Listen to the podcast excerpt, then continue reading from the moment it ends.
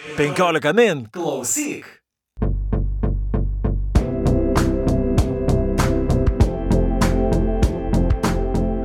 Labadiena, gerbėjai 15 min skaitytojai ir klausytojai. Ir e, sveikinamės su jumis podcast'e, tinklalaidėje perskaitimai. Ir kaip visuomet jos šeimininkai esame mes, aš Audrius Ožalas. Ir aš Juratė Čerškutė. Ir e, kartu su mumis šiandien yra patyrusi vertėja Gabrielė Gailiūtė Bernotinė. Labadiena. Labadiena. Ir e, šiandien mes pakalbėsime apie rašytoją, kurio pristatyti turbūt labai smarkiai nereikėtų, galbūt iš viso kalbėti apie jį reikėtų, na, arba iš tikrųjų kokį pusdienį, arba, arba jau iš viso tiesiog apsiriboti keliais sakiniais, nes tai yra rašytojas, apie kurio darbus ir konkrečiai net apie šitą romaną, apie kurį mes šiandien kalbėsime, yra parašytos daktarų disertacijos, diskutuojama pačiais pačiais įvairiausiais aspektais. Tai yra Džonas Stenbekas ir jo knyga Rūstybės kekės. Ir būtent Gabrielė su mumis šiandien dėl, dėl to, kad ji išvertė šią knygą į lietuvių kalbą ir šią knygą visai neseniai išleido leidikla Juotema. Na, Juotema apskritai per pastaruosius kelis metus perleidinėja Steinbeko seniai išleistus kūrinius lietuvių kalba ir taip pat išleidžia ir naujus kūrinius, kurie iki tol nebuvo versti į lietuvių kalbą. Na ir šis vertimas tikrai buvo labai ilgai lauktas, nes jis lietuvių kalba jau buvo pasirodęs po antrojo pasaulinio karo tačiau tas vertimas tikrai buvo labai pasenęs ir šiaip jo buvo beveik neįmanoma rasti, tiesiog kolekcionierių buvo siūlomas milžiniškos kainos už šios knygos, už, už šią knygą. E, o knyga yra iš tikrųjų vardinama, jeigu, jeigu apie Stenbeką galėtume kalbėti, kad jis šiaip yra vienas iš reikšmingiausių 20-ojo amžiaus rašytojų, tai ši knyga ypatingą vietą užima ir jo paties e, kūryboje, nes e, ši, už, šią, už šią knygą rašytojas pelnė ir Pulserio nacionalinė knygų premijas 62 metais jam buvo įteikta Nobelio literatūros premija ir įteikiant Nobelio literatūros premiją irgi daugiausiai buvo kalbama būtent apie šią knygą Rūstybės kekės.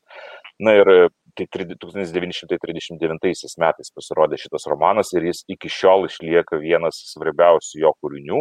Ir net jeigu dabar pamėgintumėte irgi paieškoti apie šią knygą straipsnių, tai tikrai rastumėte nemažai jų, kuriuose svarstama, kuo šis romanas iki šiol aktualus, kokie aspektai iš naujo iškyla, kalbant apie socialinės ir visokiausias tokias problemas. Tai žodžiu, tai yra romanas, kurio pasirodymas buvo labai lauktas lietuvių kalba ir kurį net ir tie žmonės, kurie anksčiau skaitė, man atrodo, tikrai su malonumu perskaitys iš naujo, jo labiau, kad tai yra naujasis vertimas.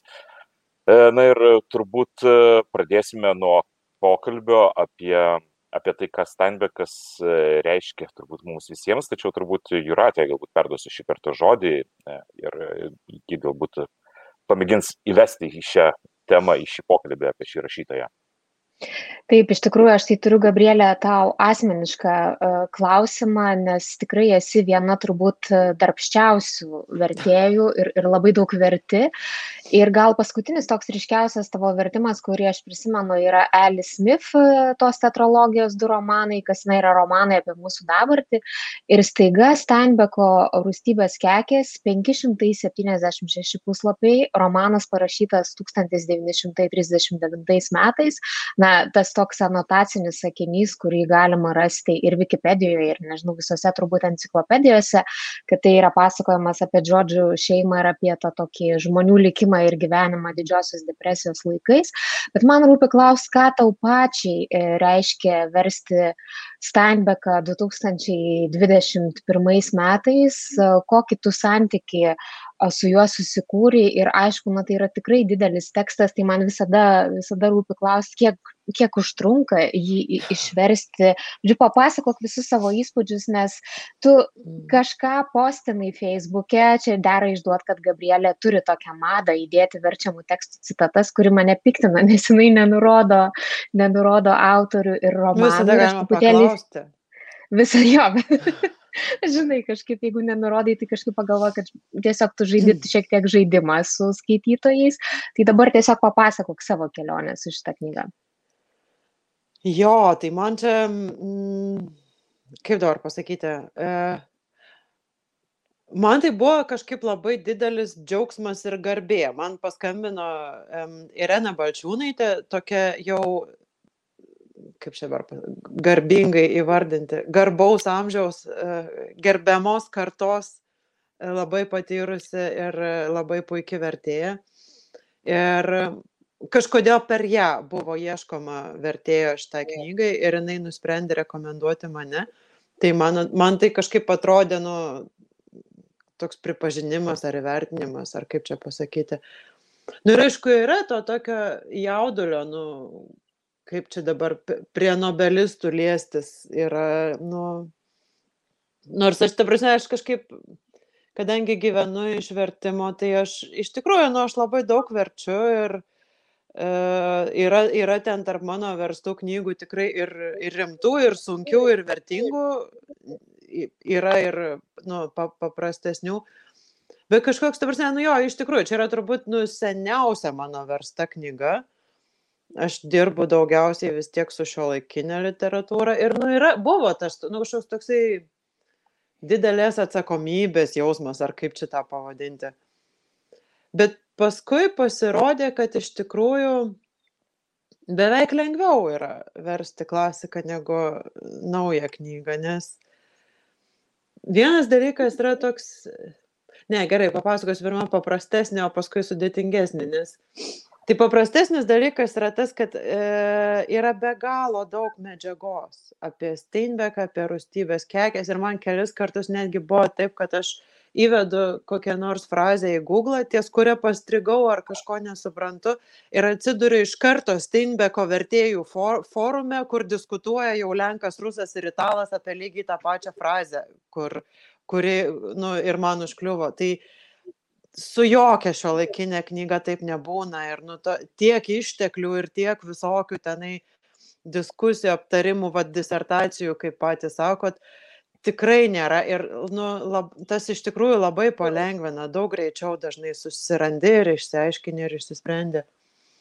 Ir tarp kitko, ypač daug yra tokios mokyklinės medžiagos, kadangi yra knyga, nu ne Lietuvoje, bet yra Mhm. skaitoma mokyklose, tai yra labai daug, nu ten, ir va tokie dažnai iš tikrųjų, nu net praverčia, yra kažkoks mokinukams paruoštas žodinėlis, kuriam ten paaiškinta, koks ten žemės ūkio padargas maždaug, kam skirtas ir ką daro, arba ten kokia nors vištų spalva išaiškinta, nu tokie, tokie dalykai, nu kuriuos ši, ir šiaip versdama turi ieškoti, nu nes aš irgi ten su vištom negyvenu ir ne, nebūtinai tenai, nu, tą viską pažįsti. Ir va, to, va tokių kažkokių, nu, tokia, va, nu, paprasta praktinė prasme yra daug, daug lengviau.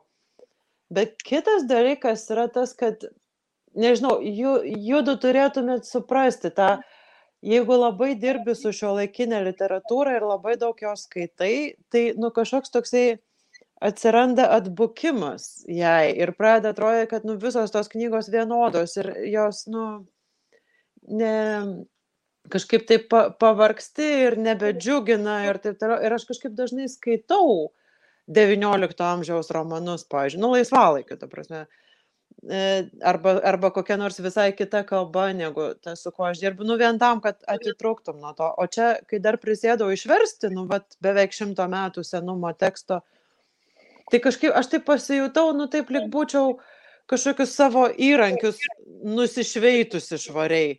Toksai, nu, atsišviežinimo, nežinau, jausmas yra, man, man tai kažkaip labai pradžiugino jisai, labai, nu, rimtas darbas, labai... aišku, yra ką veikti, bet malonus tikrai.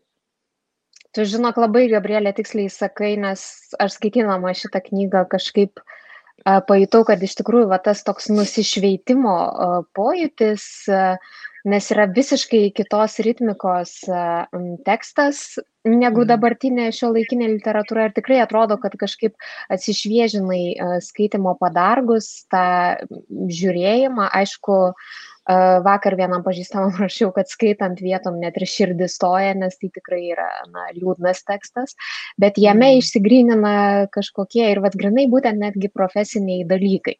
Aš dar noriu tavęs klausti, čia Audrius jau užsiminė, nes iš tikrųjų buvo 47 metais Karolio Račkausko vairo tas vertimas. Mhm. Ar tu versdama kažkiek rėmėsi juo ir kodėl iš vis buvo priimtas vertimas, aš atsiprašau, tikrai ne, nesu mačiusi tos 47 metų knygos, e, bet na, atrodo, yra vertimas, gal būtų paprasčiau jį redaguoti ar kažką daryti, o staiga visiškai naujas, ne? Ne, man atrodo, kad čia nu, gera praktika yra maždaug kas 50 metų versti iš naujo. Nu, tokias knygas, kurias verta dar po 50 metų vėl versti. Nes ir savaime nu, vertimai sensta kažkaip, nu, ta kalba sensta, nu, kažkoks yra. Vertimai sensta labiau negu originalai, kažkodėl. E... O aš taip galvoju, kad, kad gal ir cenzuruota buvo ta versija kažkiek, ar ne? Tai vad, e... kiek aš žinau, buvo kupiūruota bent jau kažkiek. Aš iš tikrųjų, aš jo neskaičiau to vertimo ir tyčia neskaičiau, nes, nu, kažkaip aš bet kurią kitą knygą išverčiu neskaičiusi ankstesnio vertimo ir, nu, gerai gaunasi. Tai kažkaip ne, nenorėjau taip užsi, e, kaip pasakyti, nu, jokio, jokio santykio su juo nenorėjau turėti, nei juo sekti, nei mhm. ten jo perdarinį, jo taisyti, kažkaip ne, nu, geriau kažkaip baltam lapę tą daryti dabar beveik norėčiau paskaityti, bet tai kažkaip ne, nu, nebeprieina rankos, nu vis tiek yra ką veikti. Tai ne, negaliu labai ten jo nei girti, nei kritikuoti, nieko apie jį gerai nežinau, bet sakau, kiek žinau, tai jisai buvo kupiruotas, nu ir mm, kažkaip, nu nežinau, tai turbūt vien, vien dėl to reikia iš naujo versti, vien tik tai tas kupiūras atstatyti, bet šiaip tai sakau, man atrodo, kad nu čia normalu yra, bendra praktika yra, kad vertimai sensta, tai čia tas savaime tai ne, nu, nieko neturėtų stebėti. Ir aš nemanau, kad tiesą sakant, kad būtų jį įmanoma kažkaip naujai suredaguoti. Nu, ten per didelis darbas, turbūt lengviau yra išversti iš naujo, negu tokį pasenusi suredaguoti. Tai... Beje, šiaip aš taip e, manau, kad e, taip lengvai imti gauti ją ir paskaityti šią knygą nėra taip jau ir lengva, nes, na, bibliotekose galbūt, nes aš paskutinį kartą, kai žiūrėjau, tai uh, labai, labai sunku ją gauti ir paskutinį kartą mačiau kainą 60 eurų, man atrodo, ar daugiau, net mhm. kartais iki 100 eurų pakyla tos knygos vertė. Na, nu, aišku, 67 metais leista knyga, tai savaime suprantama. Bet gal dar pabūkim šiek tiek prie vertimo, kol nepradėjom kapstyti ir Steinbeko e, temų. Gabrielė jau labai mhm. gražiai užsiminė apie tas visas vištas. Uh, man tai kažkaip skaitant visą laiką atrodė, ar tu nevargai versdama tas visas mašinerijos pastraipas, o tai mašinas, stumoklius ir visa kita. Taip. Tai tiesiog papasakok iššūkius, ką buvo sunkiausia, lengviausia įveikti ir turbūt aišku rūpi klausti apie Steinbeko stilių, kuris atrodo nu, tarsi toks paprastas, bet tikrai taip nėra. Jeigu dabar čia mūsų klauso koks nors automobilizmo istorijos entuziastas, kuris dabar paskaitys mano vertimą ir sakys, dūra, nieko jinai nesupranta, kaip blogai, nu, viskas čia blogai su tom mašinom. Tai pirmą, aš labai atsiprašau, nes aš tikrai nieko apie tai nesuprantu ir ten yra, nu, ten kalba yra net ne tai, kad apie automechaniką, bet apie e, vienas dalykas - istorinę automechaniką, nu, reiškia apie senas mašinas, kurių mechanizmai net yra kitokie negu šio laikinių. Ir kitas dalykas yra tas, kad nu jos tenai knygoje, va čia kaip ant viršelio gražiai nupiešta, josgi visos yra savadarbės, perdaromos tenai, per, nu vienu žodžiu, tai Ta prasme, tai iš tikrųjų čia buvo vienas iš sunkiausių dalykų toje knygoje. Tai vad vienu žodžiu, jeigu dabar e, koks nors tenai tas automobilizmo istorijos entuziastas klausosi mūsų, e, tai kai baigs mane keikti, tegu man paskambina, nes aš dabar turiu kitam Steinbeko vertime tą pačią problemą ir mielai priimsiu pagalbą. E, tai e, šiaip tai jo, tai, tai sakau, jo, va čia va, buvo vienas iš pačių didžiausių iššūkių, nu, todėl, kad, nu, kaip pasakyti, kai esi vertėja, e, tai esi įpratusi, kad, nu, turi nuolat išsiaiškinti, ką nors, ko lygi tol neišmaniai. Nu, čia kasdienybė, nu, nežinau, biochemija, archeologija, tenai laivyba ir taip toliau. Nu, taip įprastas dalykas. Bet čia iš tikrųjų, sakau, buvo toks labai labai specifinis dalykas, kur yra ir man atrodo kad tenai daug kur tiesiog išvis nėra lietuviškos terminologijos nes nu ten kiek kiek ten smetonmečio važinėjo automobilių po lietuvą nu kažkiek gal ir važinėjo bet kiek buvo nu kažkokio kalbėjimo ir rašymo apie automobilius nu taip kad galėtum tų laikų terminologiją nu ta prasme vienalaikę terminologiją apie tai kalbėti tai E, yra beveik neįmanoma rasti. Ir vienu žodžiu, mes tenai abi su redaktorė Rima Bertašavičiūtė kiek galėjom aiškinomės ir stengiamės iš tikrųjų, nu, e, kiek įmanoma tą padaryti tvarkingai, bet sakau, jeigu kur nors yra klaidų ir nusišnekėjimų, tai tikrai šitoj srity, nes nu, ten buvo žiauriai sunku. O šiaip tai, tarp kitko, su žemės ūkio technika buvo daug lengviau negu su paprastais automobiliais. Žemės ūkio terminologija, žinokit, turim sočiai, net, med, net ir medvilnės, nors jau atrodo Lietuvoje nieks neaugina medvilnės. Tai va, tai... Um, bet šiaip... Um, nežinau, dėl, jeigu vat, kalbant ne vien tik tai apie tokius uh, visiškai darbinius iššūkius, turbūt nu vienas toksai, kaip pasakyti, toks sprendimas, kurį reikėjo padaryti, mm, buvo tai, kaip interpretuoti tiesioginę kalbą. Nu, nes e, visoje šitoje knygoje ir nėra taip visose Steinbeko knygose, taip yra būtent šitoje. E, nu, vad, kai atsiverti puslapį, tai matai, kad e, tiesioginiai kalboj įprasta rašyba yra tokia truputį iškraipyta. Ir dabar ką tai reiškia, mm, reikėjo pagalvoti, nes iš pradžių, aišku, tokia akivaizdi prielaida yra, kad čia bando pavaizduoti nutarmę, kas e, yra gana įprasta amerikiečių literatūroje ir ypač tą vadinamą Southern tarmę pietinių valstijų, dažnai jinai taip yra grafiškai užrašoma, nu, e, ta prasme, fonetiškai užrašoma, parodoma tenai, ką kaip, kaip nors kitaip ištaria. Bet paskui pasirodė, nu, kad tenai to, ten, kur susitinka veikėjai, kurie tarsi turėtų kalbėti skirtingomis tarmėmis, nu, jie kalba taip pat. Tai kažkaip tada aš nusprendžiau, kad čia matyti yra, nu, tiesiog labiau toks bandymas ne, ne konkrečią ir nespecifinę tarmę pavaizduoti, bet, nu, tokia šnekamąją kalbą, tokia, nu, va, tų tokių paprastų žmonių. Ir tai tada irgi, nu, kažkaip um, yra ta problema, kad, va, lietuškai, jeigu pabandai pavaizduoti, nu, tokią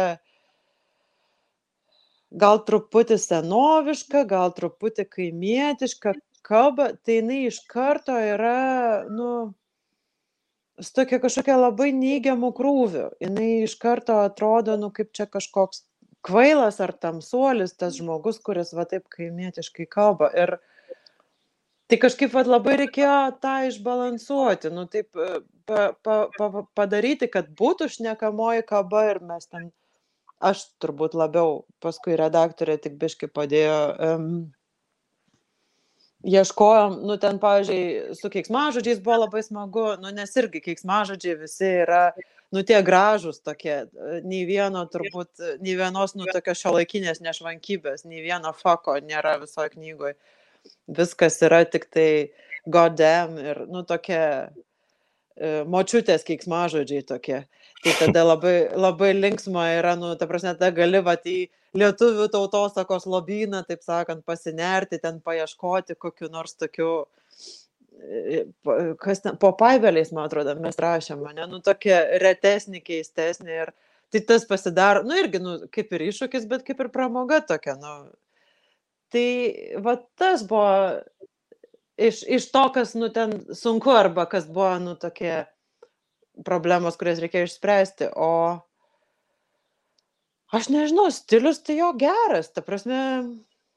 Aš nesakau, kad blogas, būtent jo, jo. geras, labai geras. Tai, taip, ir iš tikrųjų, nu nežinau, man tai dažniausiai kaip tik gero stiliaus knygą yra lengviau versti, nu negu knyga, kuri yra prastai parašyta ir tada tu turi, mm, kaip pasakyti, tu neturi jos pataisyti versdama, bet tuo pačiu, nu, kažkaip baisiai ranka nekyla rašyti taip prastai, kaip yra originaliam. Nu, tai kai turi knygą, kuri yra gerai parašyta, tai tada, nu, su, su džiaugsmu ir su malonumu dirbi savo darbą ir tiesiog dirbi savo darbą. Tai prasme, nėra taip, kad ten kažką labai ypatingo reikėjo daryti su to stiliumi, bet, nu, smagu ir malonu tokį tekstą versti, nu, kurį ir skaityti smagu. Tai abėjo, kiek užtruko vertimas, nes pats rašytojas šią knygą parašė per penkis mėnesius ir tai buvo greičiausiai rašomas jo romanas.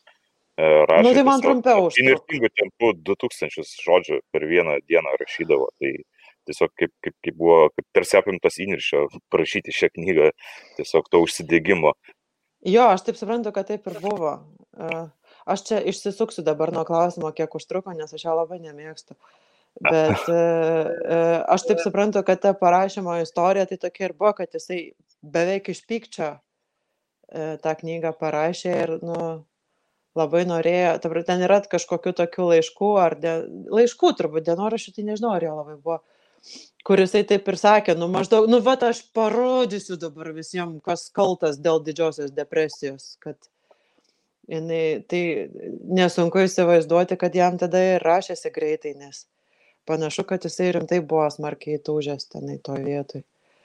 Ir beje, reikia dar turbūt paminėti ir šitą dalyką, kad, na, skaitydami šią knygą mes uh, nu bent jau man atrodo, kad visa tai yra pakankamai na, dokumentalu netgi ir, ir iš tikrųjų taip ir mhm. yra, nes šios knygos gimimas toks ir buvo, kad autoris pats rašė straipsnius apie, apie tą įvykusią tuo metu ekologinę nelaimę ir apie didžiąją depresiją ir būtent tie straipsniai tapo užuomasga šios knygos, taigi galima sakyti, kad na, ši knyga iš tikrųjų turi labai realų, labai dokumentinį pagrindą ir, na, ir ne veltui jis ir vadinamas realistiniu rašytoju, tai šitoje vietoje tai yra na, tiesioginė ta, to žodžio prasme. Ir... Jo, jo, jo, ir čia, man atrodo, to, to vietoj nutiko ta tokia, nu, keista ir gal ne visai gražiai istorija, kur um, jisai, vienu žodžiu taip, jisai buvo pasiūstas e, San Francisco News e, aprašyti, net ne tiek iš tikrųjų Dust Bowl, ne tiek tos ekologinės katastrofos, kiek pačių tų migrantų, ta prasme, jau Kalifornijoje su, suvažiavusių tų stovyklų ir viso to gyvenimo. Ir jisai susipažino su tokiu Tom Collins, e, kuriam yra dedikuota knyga, tarp kitko. Ir e, tas Tom Collins, jisai, jisai nu, dirbo tokioj organizacijoje, kuri vadinasi Farm Security Administration.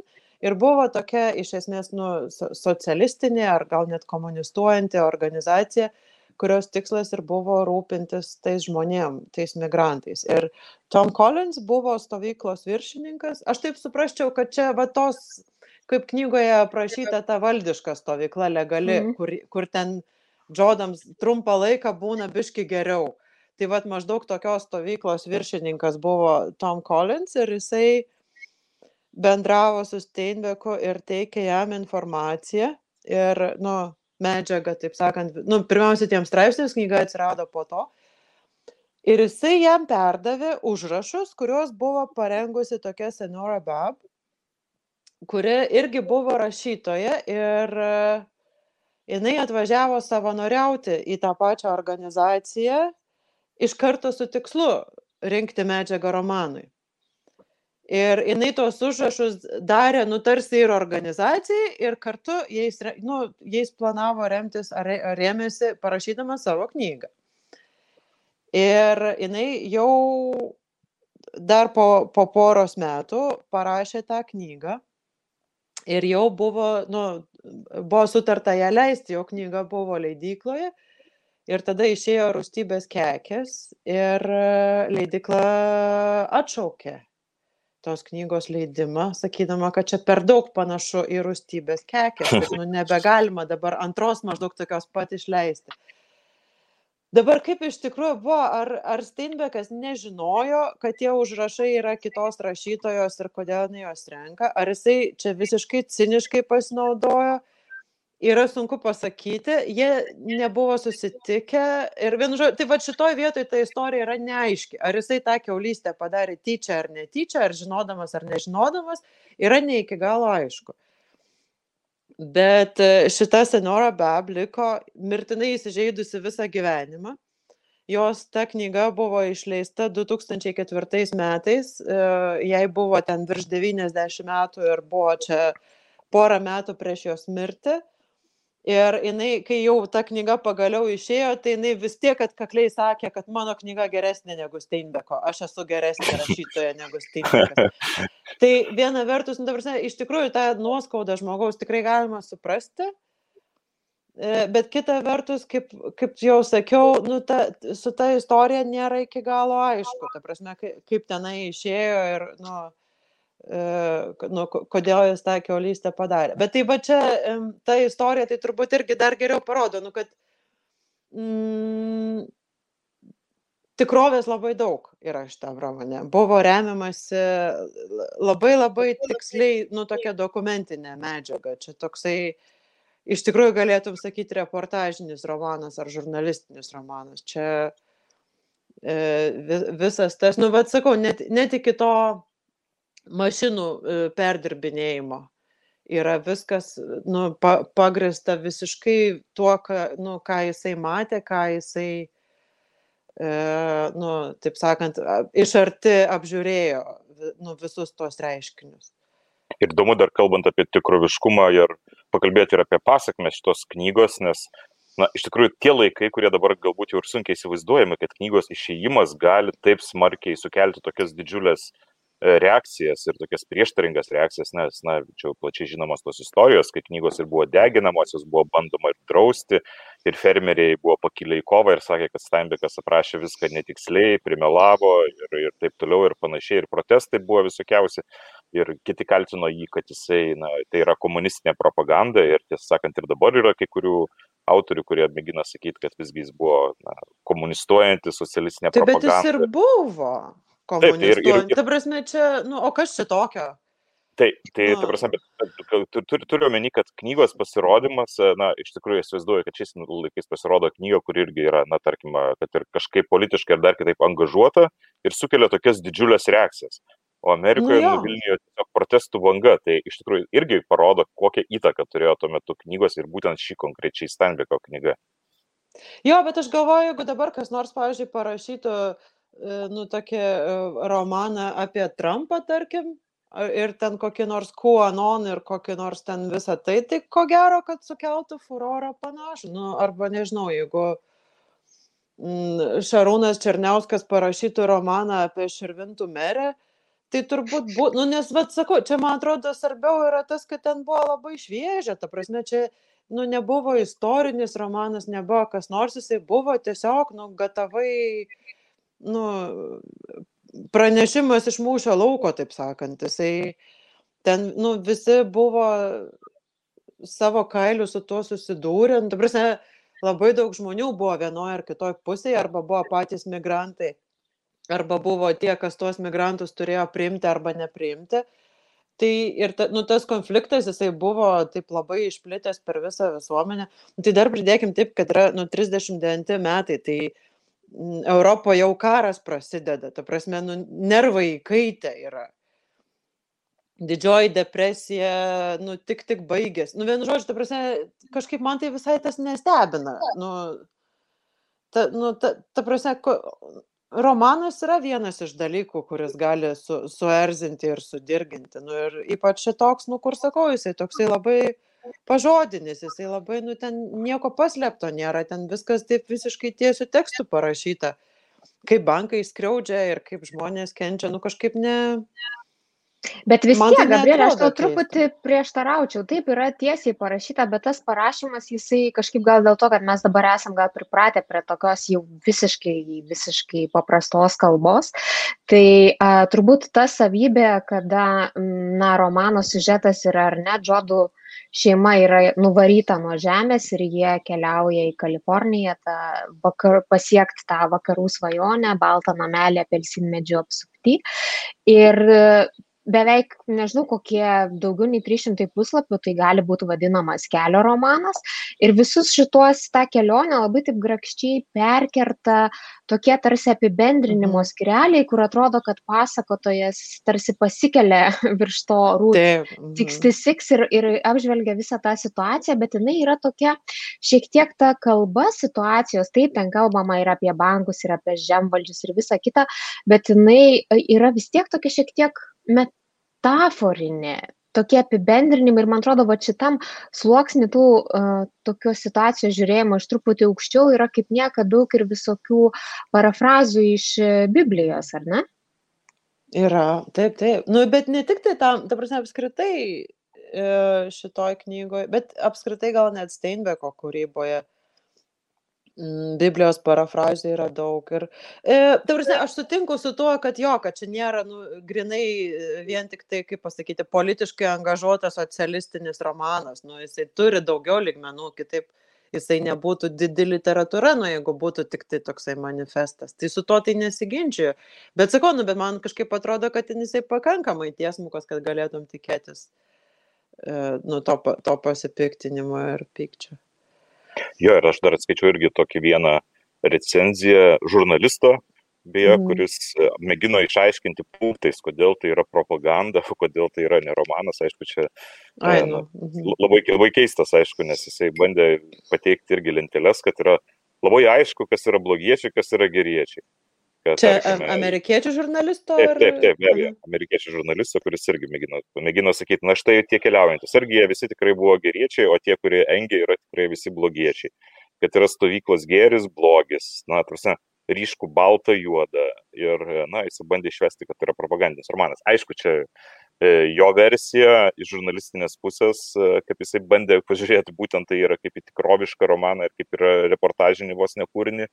Tačiau visgi, na, kaip matome, tų, tų tokių interpretacijų na, netrūksta ne, iki, iki šiol, netgi praėjus štai kiek metų, nuo 39 metais mm. išleisęs, iki šiol žmonės vis dar analizuoja ir vis dar bando suprasti, ar tai nėra iš tikrųjų propagandinis kūrinys, nors jau kaip ir nebelabai aktualu tai.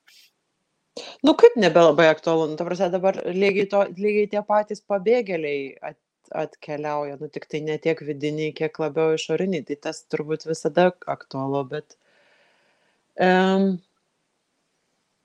dabar pa, pamiršau, kur klausimas. Na, tiesiog.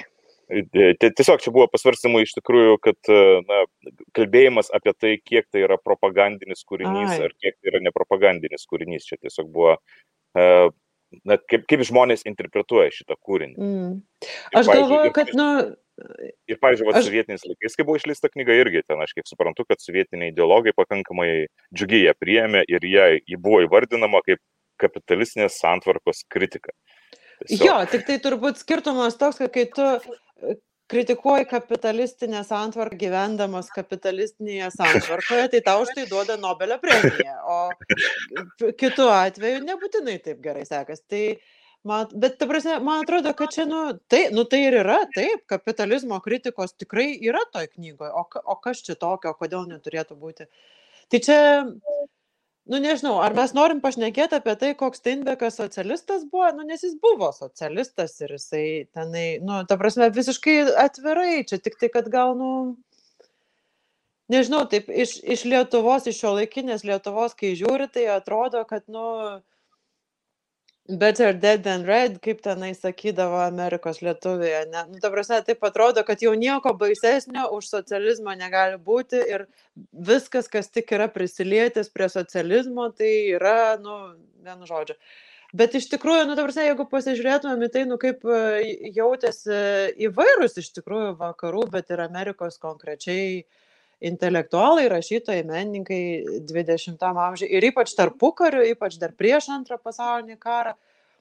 Tai tą, nu, negali nesuprasti, nu, va tokio socializmo, koks aprašyta šitoje knygoje, negali nesuprasti, nu, ta prasme, jeigu tu matai skriaudžiamus žmonės, tu matai, kad ta sistema sukasi taip, kad, nu, praryja šeimas ir namus ir gyvenimus, tai tu sakai kad čia neteisybė ir taip nedora ir nu stoji tų žmonių užtarti ir ginti ir jiem padėt. Tai tada nu ta prasme tai čia nu kaip pasakyti padorumas reikalauja būti tiek socialistu jeigu nu esi kažkoks jautrus ir taip nu socialiai angažuotas žmogus. Tai man atrodo kad čia nu mes kažkaip to dažnai sakau taip iš iš to nu lietuvos konteksto kur daug žmonių yra taip smarkiai nukentėję nuo tų komunistinio režimo tai mums kartais tą biškį sunku įvertinti nu kad tikrai tikrai yra laipsniai. Ir be to reikia nu be to reikia suprasti tuos tuos įvykius kuriuos aprašo nes na tarkim nesigilinę į kontekstą tos knygos nes e, na beveik pusė milijono žmonių tuo metu tapo migrantais jau dabar galima įsivaizduoti, kad net šiais laikais tai atrodo didžiuliai mastai, galime įsivaizduoti tų laikų pasaulyje, kaip pusė milijono žmonių mm. tiesiog blaškosi po šalį, bando ieškoti to gyvenimo, keliauja į Kaliforniją, keliauja paskui atgal ištrimiami, gyvena kažkur tai pakelėse ir, ir žodžiu, tampa visiškai benamiai, nomadų tauta tampa. Ir, na, tai iš tikrųjų klaikus jausmas, jis bandyti tai įsivaizduoti. Taip, taip, būtent, va, tai va, aš, nu, aš tą ir sakau, kad, ta prasme, jisai, nu, jisai buvo, nu, socialistas nebūtinai yra keiksmažodis, kitaip sakant. Jisai buvo nu, socialistas todėl, kad tokios buvo jo politinės pažiūros ir jos yra nu, normalios ir jas galima suprasti. Ypač, aišku, sakau, prie, iki antro pasaulinio karo tai dar nu, ir nebuvo matyti, nu, niekas nežinojo nieko apie, net apie Rusijos revoliuciją nelabai ką žinojo, jau, jau tikrai nežinojo ten apie gulagus ir visas represijas ir taip toliau. Tai kažkaip ir neatrodė, kad ta išvirkščioji pusė taip arti ir tokia didelė yra. Tai, Nu tai va, tai, tai, tai aš tai sakyčiau, kad į Steinbeko socializmą reikia žiūrėti ramiai ir nu, ne, nedaryti iš to skandalo. Nu, ta prasme, kažkaip sakau, nu, ar, pro, nu, kad propagandinis tas romanas, nu, prasme, jisai, sakau, jisai yra dokumentuota, kaip jisai labai iš pykčio tą parašyti. Ta prasme, gali sakyti, kad jis tikrai, nu, propag, nu tokiu, siekiantis politinių tikslų, taip sakykime jis turėjo tą užmojį, nu čia vat kažką demaskuoti, kažką ten atskleisti, ta prasme, turėjo tokį tikslą. Bet tai aš manau, kad čia, nu, nu jeigu jisai būtų buvęs toks grinai, nu, politiškai angažuotas ir propagandinis ir taip toliau, tai nebebūtų įdomu po 80 metų vėl skaityti turbūt. Man atrodo, kad čia, nu, ta, tas ir yra, kad vis tiek turi ka, kažką gilesnio užkabinti, kad Nu, tai kad, vad būtent ir čia yra turbūt geras rašytojas, nes tas toks parašymas iš pykčio, ar ne? Nu, neretai būna, kad iš kažkokios emocijos tie tekstai po kurio laiko nublanksta arba šiaip kažkokie greito vartojimo, tai mhm. šituo atveju tikrai taip nėra. Ja. Ir Gabrielė, aš noriu tavęs paklausti, nes tikrai ir daug skaitai čia laikinės literatūros ir vertėjų, čia mes apkalbėjom tos nusišvietimus įrankių. Uh, Bet kas man atėmė amą, skaitant e, pirmą kokį šimtą šitos knygos puslapių, tai kad yra kažkoks labai tikslus kinematografiškumas, tokia, na ką čia apkalbėjom, tiksli gyvenimo kopija, bet man atrodo, kad yra tokie aprašymai, kokių, nežinau, aš čia gal labai taip skambiai ir drastiškai pasakysiu, kokių ko gero dabarties literatūroje nebėra.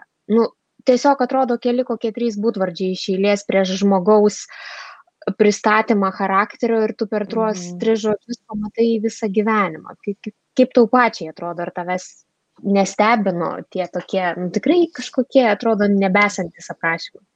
Ir jo, negali pasakyti, kad tai... visi nomadiški, jie kažkokie tiesiog klasiškai geri. Tai va, vat va čia buvo, man atrodo, vienas iš tų dalykų, kur, sakau, tokie, nu, taip, atgaivina ar atšviežina. Nu, toks, kad gal net ne tai, kad e, yra kokia nors, nu jo, šiaip jo. geras rašytojas, aišku, kad ten iš, išraiškingai parašyta.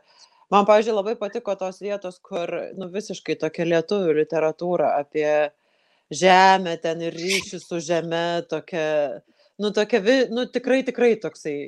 Ir kažkaip skaitai ir nu, ne, neatrodo, kaip čia pasakyti, nu, neatrodo nuo žagrės ta blogąją prasme, atrodo kaip nurimtai kažkoks tokia tema, apie kurią gali rašyti, nu, kažkoks toksai klausimas, nu, vertas ir, ir apmąstymo, ir, nu, to tokio gražaus aprašymo, nu, ta, apie tą, tą tokią meilę gimtinį ar meilę, nu, savo žemėje, kitaip sakant.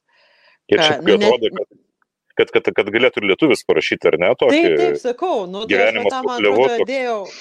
aš va tam, atrodo, vietą dėjau į Facebooką ir sakiau, kad čia turbūt, nu, galėtų būti Granauskas, tik biškai ten tokios seksualinės metaforos nelietuviškos buvo apie tai, kaip ten plūgai prievartauja ten tą žemę. Tai... O šiaip tai jo, ta prasme, galėtų būti vienas prie vieno lietuvių literatūra. Bet um, man atrodo, vienas dalykas, turbūt kažkas panašaus į tai, ką Juratė čia sako. Šio laikiniai literatūroje yra iš tikrųjų labai daug vienodumo, yra labai daug tokių klišių. Nu, dažnai tokių gana giliai paslėptų, kurių aš, pažiūrėjau, skaitant mažiau pajuntu negu versdama, nes ten, nu, kai verti, tai vis tiek labiau turi įsigilinti taip į smulkius kalbinius dalykus. Ir kažkaip, man atrodo, kad šio laikiniai literatūra yra labai daug e, šitų visų rašymo kursų ir rašymo mokyklų įtakos, kur ir, nu, ta prasme, žmonės išmoksta kaip ir gerų metodų, nu, nežinau, kaip kurti personažą arba kaip aprašyti aplinką ir taip toliau, bet jie visi išmoksta tų pačių metodų. Nu, ir paskui eini ir vien, kiekvienam romane yra nu, lygiai ta pati technika ir, nu, čia kaip iš to gražaus viduramžio eilėraščio, ne, nu, kur angelai mato pasaulį išvirkščią kaip gobeleną, ne, nu, kur nemato kaip gražu yra, bet mato, koks sulelis su kokiu susipinės. Tai vad kai esi va toks nu, profesionalus skaitytojas, kuris tą išvirkščią pusę gerai mato, tai labai greitai, nu, vad pradeda varginti ir erzinti. Nu, vad tas, sakau, tas toks vienodumas ir toksai, nu, tas pasikartojančias, toks ribotas kiekis vienodų literatūros technikų tiesiog. Ir va čia, man atrodo, tas yra labai faina, nu, kad čia yra akivaizdžiai žmogus, kurio niekas nemokė technikos. Jisai, nu, rašo todėl, kad yra rašytojas, jisai rašo taip, kaip jam išeina, jisai, nu, ta prasme, va, net nežinau, kaip pasakyti, nu, toks labiau menas negu technika, gal netgi taip sakyčiau, labiau kūryba negu technika. Nėra, nu, nemanau, kad jisai mažai dirbo arba tenai mažai apgalvojo savo kompoziciją arba savo tenai poveikio priemonės, bet kažkaip nu, nė, nėra tiek įvaldyta va tų tokių nu, vienodų metodų ir tada iš karto kažkaip originaliau ir švariau atrodo. Tai man kažkaip tas labai jaučiasi. Čia sakau, man atrodo, tu Juratė apie panašų dalyką kalbė, ne? Aš tai iš vis žinau, kad pagalvojau šitą knygą skaitydama, kad nežinau turbūt viena šita knyga nušluoja kokių dešimt dabarties kaučinimo knygelių lentynų. Ir o, aš pagalvojau, kad į šitą knygą yra surašyta kažkaip labai paprastai, nes šiaip beje, in, turbūt visiems čia buvo tas kad 576 puslapiai, bet jie kažkaip tikrai m, greitai, greitai ir kažkaip aišku, knyga nėra tos tematikos, kur gali sakyti, kad tu ją smagiai skaitai, bet ten nebuvo kažkokių bent jau man tokių didelių užklimpimų. Ir tu skaitai ir man kažkaip gal pirmą kartą net pasidarė liūdna, kai aš ją perskaičiau, kad aš nebebūsiu su Džodu šeima, aš nebežinosiu, kaip jiem toliau klosis gyvenimas. Bet į šitą knygą yra surašyta vat, visa žmogiškojo bendravimo ir žmogiško gyvenimo esmė. Ir aš galvoju, kai mes dabar kažkaip, žinai, kažkaip iš karto aš pagalvojau ir man taip visą laiką klaustukas, ką šita knyga duoda mūsų dabarčiai 2021. Tai, žinai, man truputį jokinga, kada žmonės e, puikiai žinom visas mūsų aktualijas, ar ne, kada PGR testavimą a, prilygina, a, e, ta prasme, holokaustą ir visokias kitokias nesąmonės žmonės šneka ir kada mes, e, supranti, galim išsikviesti barborą į namus ir mūsų prašo valstybė tik tai ramiai pasėdėti namuose ir čia tu eini su Džonų šeima tuo šią 66 greitkeliu, kur tiesiog žmonės kovoja už savo būvį. Tai man kažkaip aš supratau, kad iš tikrųjų, jeigu reiktų atsakyti vieną knygą apie gyvenimą, ar ne, aš ko gero sakyčiau Steinbeko ir vatinai sudeda viską į vieną ir kaip tu gražiai pasakai, kad iš tikrųjų nėra tų kažkokių technologijų, nėra užsižaidžiama ta pasakojimo aš figūra, aš, aš, man, man. Tai buvo ta personažė uh, kuri laukėsi vaiko, ten jau labai save kėlė, kur jau mama sakė, spakainkis, tu dievai nesi iki tiek čia tokia įdomi ir reikšminga, žodžiu. Ir man atrodo, kad šimta knyga moko, ką labai gražiai ir Tomas Džodas sako, žingsnis po žingsnio. Ir to tokio vats pakainumo ir kažkokio, nu, negražina kažkokį pojūtį, kad dramos yra truputį kitokios, negu mes dabar įsivaizduojam ir kad tiesiog reikia kažkaip ramiai ir spakainiai gyventi, gyventi su savo, su savo likimu ir vat tai šanrožiai, mo, ta motušė, kuri šiaip yra fantastiškas personažas ir aš norėsiu, kad mes dar apie ją pakalbėtume. Mhm. Tu toks paprastas sakinys, tu turi suprasti savo deramą vietą. Tai vat man kartais atrodo, kad dabar tie kyla labai daug problemų, kad tiesiog žmonės nebesupranta, kur jų vieta ir nori tiesiog iššokti aukščiau bambos. Bet čia tokį beveik kažkaip pamokslininkas tas pasakiau pamokslą.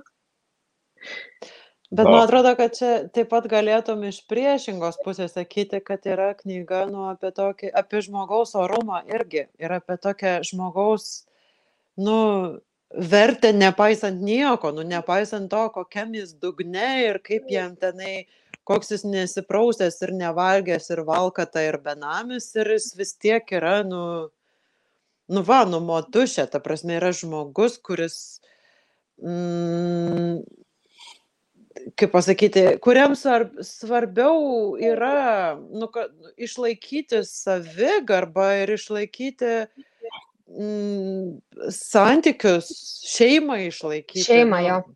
Da, darną šeimoje ir vienybę šeimoje išlaikyti yra beveik svarbiau negu ten tas namukas su apelsinmedžiais. Ta prasme, ir net namukas su apelsinmedžiais yra labiau kažkoks toksai, nu, svajonė, negu kad tik tai noras sočiai valgyti ten ar kas nors tokio. Dabar, man kažkaip tas yra labai, nu, bet būtent, arba kitaip sakant, ta derama vieta, jinai nėra prasta vieta, jinai yra, nu, teisingai suprasta vieta, kad tu nesi daugiau negu kažkas, bet tu ir nesi mažiau negu kažkas. Tu esi vertingas žmogus, svarbu, nu, kiekvienas žmogus, kitaip sakant, yra vertingas, todėl kad yra žmogus ir Tai man atrodo, kad ta prasme ta knyga, nu, jinai irgi tokia yra, nu, labai nu, empatiška, net nežinau kaip, ar empatija skatina, nu, čia iš tos operos, kaip tu sakai, dešimt kočinimo knygų, tai, nu, vat, viena iš tų kočinimo knygų yra apie tai, kaip, nu, gerbti ir mylėti žmonės, nu, skirtingose situacijose ir ne, nu, kažkaip nesuvesti žmonių, nu, kitaip sakant, į tokią, žinai, visai maslo piramidę, kur, nu, tik tai reikia pašerti ir aprengti ir patupdyti ir, nu, ko jie dar nori, ne, nu, toks ta prasme, į tokį, nu, in tokios moko nu, sudėtingos žmogaus sampratos, jinai ne, neleidžia žmogaus. Nu, nu, bet jinai neturi to tokio plokštumo, kaip galbūt gali pasirodyti, žinai, paskaičius anotaciją arba... Tos nežinau, tyrinėjimus apie propagandą, kaip nu, galima jo. būtų Bet čia, pažiūrėjau, man, man tai strigo, tai iš tikrųjų du dalykai irgi, ką aš pilnai pritariu irgi Juratai, kai ką tu sakėjai apie, apie tai, kad į ko gali mus mokyti šiais laikais. Tai man pirmas dalykas, kas iš tikrųjų įstrigo skaitant šią knygą, tai yra tas e, bendrumo pojūtis.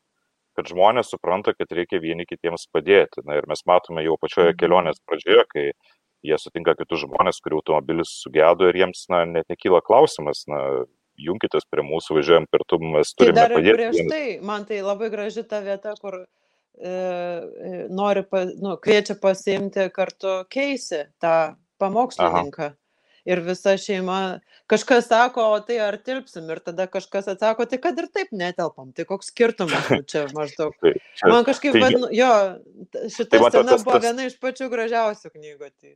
Tai, taip, taip, ir, ir, na, ir šunį, aišku, irgi reikia pasiimti, nes, nu ką jau čia negi paliks. Tai, bet šiaip, ma, tai, tai tas bendrumo jausmas man labai įstrigo, o iš tikrųjų tas dalykas, apie kurį dabar tu irgi paminėjai, kad empatija, aš, aš galvoju, kad čia gal iš, iš tikro yra jeigu reikėtų man, manęs paklausti, kas yra išskirtinis e, būtent Steinbeko bruožas, tai yra tas sugebėjimas sukurti empatiją ir labai šilumos jausmą. Nes aš dabar irgi pradėjau jo temos e, perleistas knygas skaityti, aš perskaičiau konservų gatvę ir, ir, ir Tortilijos kvartalą ir be abejo dabar šitą ir, ir galvoju, ką autorius sugeba tai sukurti šilumą personažams ir kad tu tiesiog, mhm. nu, tiesiog tu pajauti, kad tai yra tavo na, artimi draugai kad tu skaitai ir tu jauti jiems užuojautą, tu, tu jauti šilumą jiems ir, ir sekas ir nesiseka, ir bet tu supranti, kad tai yra gyvi personažai. Ir, ir aš tikrai neprisimenu pastaruoju metu skaityto autoriaus, kuris na, sugebėtų iš tikrųjų sukurti tokį jautrų ryšį su tais personažais. Ir jisai visgi mhm. turi tą tikrai sugebėjimą tai sukurti. Jo, sutinku su to, bet man atrodo, čia, nu, va, Juratė bandė paklausti apie religinius motyvus ir mes kažkaip nusukom į kitą šoną.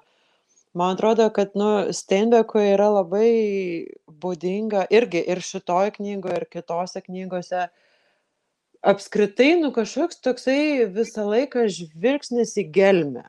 Ir aš tai sakyčiau, nu jisai, aš tai, man atrodo, kad jisai, nu, yra iš tikrųjų labai religingas žmogus. Ne, ne tokia, e, kaip pasakyti, nu, išorinė prasme, tai jisai, kaip tik, jisai buvo, jisai buvo, nu, užaugo praktikuojančių episkopalų šeimoje, ta prasme, tikinčių žmonių šeimoje ir paskui suaugęs kažkaip atitolo nuo tokios nu, re, bažnyčios ir religijos praktikos ir ten paskui yra jo toks priešmirtinis laiškas, kuris jisai mm, tiesių tekstų rašo, kad ko gero aš netikiu amžinuoju gyvenimu. Ir, nu, ta prasme, tokį konkretų religinį tikėjimą jisai per gyvenimą, tai matyt, kad tenai visai buvo ir gal ir prarado, bet e, man atrodo, kad jisai taip kažkaip labai, nu,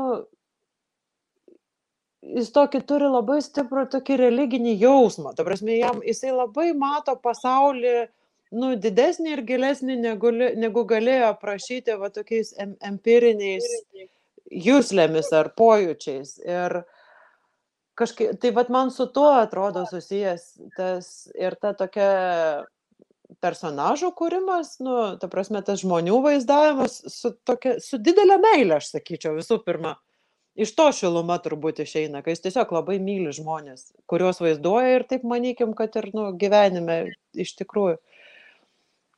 Ir kitas dalykas yra tas, nu, kad jisai visą laiką rašo, nu, tokį iš esmės mitinį pasakojimą. Nu, čia, taip kaip ir šitoj knygoje, nu, šalia to tokio visiškai reportažinio sluoksnio yra ir visiškai mitologinis sluoksnis. Ir, nu, knyga baigėsi, nu, tokia dabar nespoilinsiu tos pabaigos, aišku, nes ten tikrai negalima sakyti, kuo iš tikrųjų. Pabaiga, baigis, bet... tiesiog pasakykim, kad atima žadą, realiai. Atima žadą, bet pabaiga yra prakartėlė vis tiek. Ta prasme, Taip. yra ir vat, iš tikrųjų, nu, vat, šitą knygą galima skaityti, nors nu, turbūt viena iš bent jau galimų interpretacijų yra e, kaip egzodas, kaip išėjimo knygos parafrazė. Ir va tas išėjimas iš, nu, Senojo testamento turiu galvo išėjimo knygą, išėjimo iš Egipto. Ir tas pasakojimas yra labai svarbus amerikiečių, nu, kaip pasakyti, amerikiečiam mentalitete ar nu, kultūroje. Vienas iš pačių svarbiausių turbūt, nes nu, pati Amerika buvo pažadėtoji žemė, nu, buvo taip suvokiama tų pirmųjų uh, kolonistų iš tikrųjų baltųjų žmonių kurie ten atsikraustė ir pradėjo kurtis. Nu jie daž dažnai bėgo nuo visokių persekiojimų ir vargų europoje ir jie jautėsi kad čia yra pažadėtoji žemė ir nu čia bus naujas ir geras gyvenimas čia dabar bus. Ir paskui tas mitas buvo su atskirom valstijom susijęs su vakarais ir su kalifornija su ta nu tas visą laiką vis keliavimas į kažkokią naują pažadėtąją žemę ir paskui aišku užsideda nu papildomas sluoksnis ant to pasakojimo kai yra nu tikroji vergija tam jo juodaodžių Amerikos e, kultūroje, gospeluose, pavyzdžiui, labai daug to yra. Irgi čia yra vienas iš tokių mėgstamiausių motyvų, tas išėjimas iš vergyjos arba viltis, kad kada nors bus galima išeiti. Nu, čia e, šitas garsiai yra ta gesmė, kur go down Moses to Egypt land and tell the Pharaoh to let my people go. Tai čia vat yra, nu, aišku, kad jisai e, dar kartą interpretuoja nu šitą pasakojimą ar šitą mitą. Ir jisai tą labai gražiai parodo. Nu, man tai ten labai patiko ta vieta irgi, kuris taip gražiai papasakoja. Nu, kaip iš pradžių čia mūsų ten dėdukai ar senoliai atėjo ir išvaikė iš čia indienus, o tada ateina kas nors kitas ir mus iš čia išvaiko, ne? Tokia, nu, ta prasme, jisai tą tokia, kitaip sakant, jisai tą parodo, nu, taip kaip ir yra iš tikrųjų tikrovėje, nu, kad pažadėtoji žemė yra, nu, tokia vis tiek šio pasaulio dalis netobula ir nuodėmingo, ne, nu, tai dabar pažadėtoji žemėje, vat, jau keli tūkstančiai metų ten karas nesibaigė iš esmės dėl pažadėtosios žemės dėl, nu, turiu galvoje Izraelį ir Palestiną realiai, ne, tikrovėje. Tai va, jisai va tą parodo, nu, kad, kaip pasakyti, jisai ir atkartoja tą mitą ir kartu parodo, nu, kad jisai toksai nėra, nu, nepateisina tiek lūkesčių, kiek į jį sudedama. Ir čia, man atrodo, kad uh, apskritai yra, nu, aš nežinau, man atrodo, kad jeigu reikėtų va taip Steinbeką apibūdinti vienu sakiniu ar kažkaip įvardinti jo, e, nu, tokie svarbiausius klausimus ar problemas, tai man atrodo, kad jam labai rūpi Amerika ir amerikietiškumas. Ta prasme, jis, to, jis yra labai toks tautinis rašytojas. Jis labai bando ir labai myli, aišku, ir labai mm, išmano, pažįsta, bet ir labai tyria ir stengiasi suprasti, kas yra amerikietis ir ką reiškia būti amerikiečiu. Tai va šita prasme, man atrodo, ir gali būti, kad gal ir, nu, dėl to ir jautri ta knyga, nu, dėl to ir, ta prasme, sudirgina ar suerzina ta knyga, kad jinai tokia yra labai apie, nu, apie, apie gilius tautinės tapatybės klausimus taip pat. Tai ir, nu, va irgi, nu, tas, kaip pasakyti, ir laisvės ir galimybių ir kartu to, nu, tokio išnaudojimo, pasinaudojimo ir kartu nuolatinės pagalbos ir paramos vienas kitam. Dabar, net visi tie dalykai kažkaip susipina į, ir, nu, išeina tokia, nu, vis tiek, nu, metonimija tokia amerikiečių kultūros. Tai man atrodo, tas, jo, čia vėl dabar pamiršau, nuo ko pradėjau ir kaip prie to prieėjau. Bet man atrodo, sakau, kad čia, nu, kažkoks toksai, jisai, nu, daugias sluoksnis ir jisai toks visada turi, nu, gylio ar tūrio. Visada turi daugiau negu tik tai, nu, kažkokią schemutę. Na ir galbūt galima būtų pakalbėti apie personažus. Ir kas štai tau pačiai, kas, kuris personažas labiausiai strigo ir, ir, ir, ir kurį, apie kurį galbūt galima būtų šiek tiek daugiau pakalbėti, nes, na, Juratė irgi užsiminė, apie ką tikrai norėtų apie Matušę paklausti, kas, kas, kas tau pačiai labai. Man tai dėdė labiausiai patiko. Aš labai dėdė. dėdė geras. jo. Bet man kažkaip atrodo, nu, tas irgi turbūt yra svarbu šitoje knygoje, nu, kad visi tie personažai, kurie yra, sakykime, jie yra teigiami personažai, ta džodų šeima, ne, jie visi netobuli, jie visi turi savo įdą ar trūkumą ar silpnybę. Ne? Ir, ar kaip sako, dėdė nuodėme. Jo, jo, būtent. Ir man atrodo, kad čia tas yra labai, nu, toksai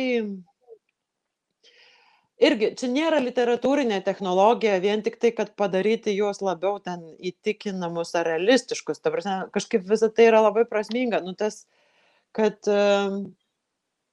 tu gali jausti empatiją ir užjausti ir, ir gailėti nu, to žmogaus, kuris nėra tobulas. Tu, jis, jis neturi būti švarutis ir be nuodėmė. Nu, aš dabar galvoju, čia taip, ne, kaip pasakyti, paviršutiniška, aišku, yra va taip pažodžiui interpretuoti, bet kad labai pažodžiui peršasi. Mes dabar kartais, kai kalbam ten apie pabėgėlius, ne, ar tuos migrantus, kurie ateina į Europą, tai mes kažkaip iš karto jiems čia keliam tiek daug sąlygų, kad jie būtų būtinai ten bėgtų nuo pakankamai rimtų dalykų, va, ekonominiai tai nesiskaito, o tik tai nuo karo. Paskui, kad jie nebūtų ten narkomanai, kad jie nebūtų teroristai, kad jie čia nenorėtų pašalpų imti, nu ir taip toliau. Kai čia iš tikrųjų nuvežtoje knygoje tą labai realistiškai parodo, nu, kad jie yra, nu, gyvi žmonės su, su viskuo ir su trūkumais ir su silpnybėm, bet tai ką tai jos dabar, tai argi jie savo tom nuodėmėm nusipelno tokių kančių, kokias patiria, nu kažkaip, man tai tas atrodė toksai labai, nu, taiklus, toks labai taigus pa, pastebėjimas, ne? Taip, Aš tai noriu dar grįžti prie motušės trumpam šiek tiek. Ir, Mhm. ir man iš tikrųjų dar, žinai, kas labai tokį įdomų įspūdį darė, mm, aš dabar supratau, kad visai net norėčiau pažiūrėti 40 metų filmą, kuris buvo Mhm. pastatytas ir aš net mačiau YouTube tokį propagandinį, reklaminį tų metų, tokį nupištesnės, truputį primenantį sovietinės kino kronikas, kaip čia bus tas filmas. Ir po to man kažkaip YouTube automatiškai išmetė atseit paskutinę filmo sceną, kuri yra visiškai kitokia negu romane yra. Tai, bet čia aš taip tiesiog kalbu, tik tai vieną sceną pamačius. Bet mm, man kažkaip skaitant, vat, kliuvo tas, kad vyrai vis visada sutupia pasitarti reikalus, toks sutupimo ratas. Ir praktiškai pusę romano buvo rodoma ta tradicinė šeima, ar ne, kur vyras yra šeimos galva, net ir dėdukas, kur net ir labai gražiai sakoma, kad jis jau iš esmės nebe ką gali be vadovauti, bet iš tradicijos vis dar yra laikoma šeimos galva. Ir į romano pabaigą, aišku, matom, kad uh, kai atsitinka krizės, moteris automatiškai perima vadovavimui. Ir aš atradau citatą ne iš e, Steinbecko, bet iš Viljamo Faulknerio, visiškai knygoje, absoliučiai kitoje šio laikinės prancūzų rašytojos. Jis pasirinko šitą citatą kaip savo tokio romano epigrafą, kuris nelabai, man atrodo, dera su jos tekstu. Bet čia aš jums paskaitysiu, žiūrėkit, čia yra iš Viljamo Faulknerio plėšikų Ir mintis yra tokia, cituoju, todėl, kad moteris yra nuostabios, jos viską gali ištverti, nes yra pakankamai išmintingos. Žino, ką reikia daryti ištikus nelaimiai ar nemalonumams, ištverti ir išnirti į paviršių kitapus. Manau, jos gali tai padaryti ne tik todėl, kad nenori sutaurinti fizinio skausmo rimtai jį žiūrėdamos, bet ir todėl, kad niekiek nesigėdė minties, jog bus pašalintas iš kovos. Citatos pabaiga. Ir atrodo, kad tai paimta iš Steinbeko, kaip motušė su tetušiu ten šiek tiek kariauja ir sako, sako, motušė gerai, tu mane galėsi prilupti, bet tik tada, kai tu uždirbsi šimo šeimai pinigus, taip toliau ir panašiai. Ir tas išplaukimas į paviršių kitapus yra tarsi na, iliustracija romano iš esmės pabaigos, kada jau jie ten išsiveržė iš, iš tų vandenų ir aš tada pagalvojau, kad iš tikrųjų kaip grakščiai Steinbeckas sudėjo tą tokią, ir vėl man peršasi tas toks banalus pasakymas gyvenimo išminti ir aš labai nustebau, čia internete pasižiūrėjus, net ir toje pačioje Wikipedijoje, aišku, kur visi turbūt pirmiausia užmetam akį, tą sakymą, kad Tomas yra, na, protagonistas viso, visos šitos istorijos. Ir tam tikra prasme lyg ir tiesa, tarsi nuo jo prasideda Džordžio šeimos istorija, taip kinematografiškai rodomas jis paleistas iš kalėjimo ir kaip susitinka su šeima, bet man atrodo, kad didžioji dalis romano taip labai nebyliai stovi iš esmės ant motušės pečių. Nu, turbūt galima taip sakyti. Aš turbūt sakyčiau, kad, nu, šeima yra turbūt pagrindinis veikėjas. Būtent, nu, šeima kaip struktūra ir kaip tas santykių tinklas, kad čia gal, nu, personažo vieno atskiro neišskirsi, kuris pats pagrindiniausias svarbiau yra tas, nu, pa, pati ta jų tokia bendruomenėlė ir visi vat santykiai tarp jų ir dinamika tų santykių, nes tikrai visi keičiasi ir visko ten tarp jų yra. Ir, nu, čia va tai, ką tu papasakoji, yra turbūt pats didžiausias lūžis, ne, nu, kaip e, tetušis, nu, tarsi apsilpsta ar nusivilia, ar, nu, yra, yra smarkiai prislegiamas tų visų vargų ir nelaimių ir tada ateina žmona ir, nu, jį pakeičia iš esmės, nu, perima tą naštą, kurios jisai nebepaneša. Tai, man atrodo, bet, nu, ir daugiau tokių ras, nu, pavyzdžiui, ta pati mm, Šarono rožė, kur čia buvom jau paminėję, ne, jauna mergina, jauna martė iš tikrųjų, e, ką tik ištekėjusi ir besilaukianti vaikelio. Ir irgi yra, nu, tokia visiška FIFA, ta prasme, didelė dalį knygos yra, nu, tokia Nu, taip, taip. Kaip pasakyti? Jaudinas, kaip paveiks kūdikį jo. Nu jo, ir tokia tu, tuščia, ir tokių nu, kvailų norų pilna, ir užgaidų, ir viso to.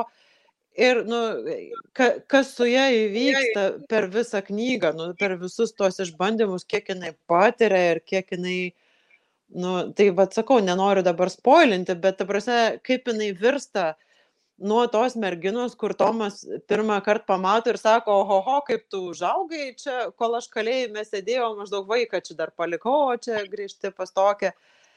Ir nuo va tos kikenančios FIFOS iki tos paskutinės prakartėlės scenos, tai jinai, nu, ta prasme, apsiverčia, nežinau, čia aukštinkojam, tai mažai, čia tris kartus aukštinkojam. Ir tai man atrodo, ir vad visi personažai, tai turbūt, nu, Tomas gal, Tomo turbūt ta dinamika yra tokia lengviausiai nuspėjama arba tokia labiausiai, nu, propagandinė, kaip čia pasakyti, ne, nu, kai jisai mm, yra, kaip pasakyti, jisai išeina iš kalėjimo ir tai čia va yra jo tas kabliukas, čia yra jo trūkumas, ne, ar, ar silpnybė. E, jis yra paleistas liktinai ir iš pradžių, nu jis nuo pat pradžio iš esmės laužo įstatymus, ne, nu, nes jam negalima valstijos sienus kirsti. Ir paskui, ir jisai vis tarsi bando, nu, neišsišokti ir pritapti, nu ir tiesiog, nu, ta prasme, važiuoti su savo šeima, gyventi su savo šeima, nu kažkaip niekam neužkliūti, nu, kad tenai niekas prie to, jo neareštuotų, nu, kad jisai niekur, žinai. Ir paskui pasirodo, kad tai tiesiog neįmanoma ir jisai tampa nu, visiškai aktyviu kovotoju ir išeina į tikrą pogrindį, nes mm, nors to kaip ir nenoriu, nu, toksai tarsi, kaip pasakyti, nu, vad sakau, čia toks visiškai nu, beveik stereotipinis išeina toks nu, kovotojas už darbininkų teisės, ne toks, kur arba lyderis nenoromis, ar kaip čia tą pavadinti.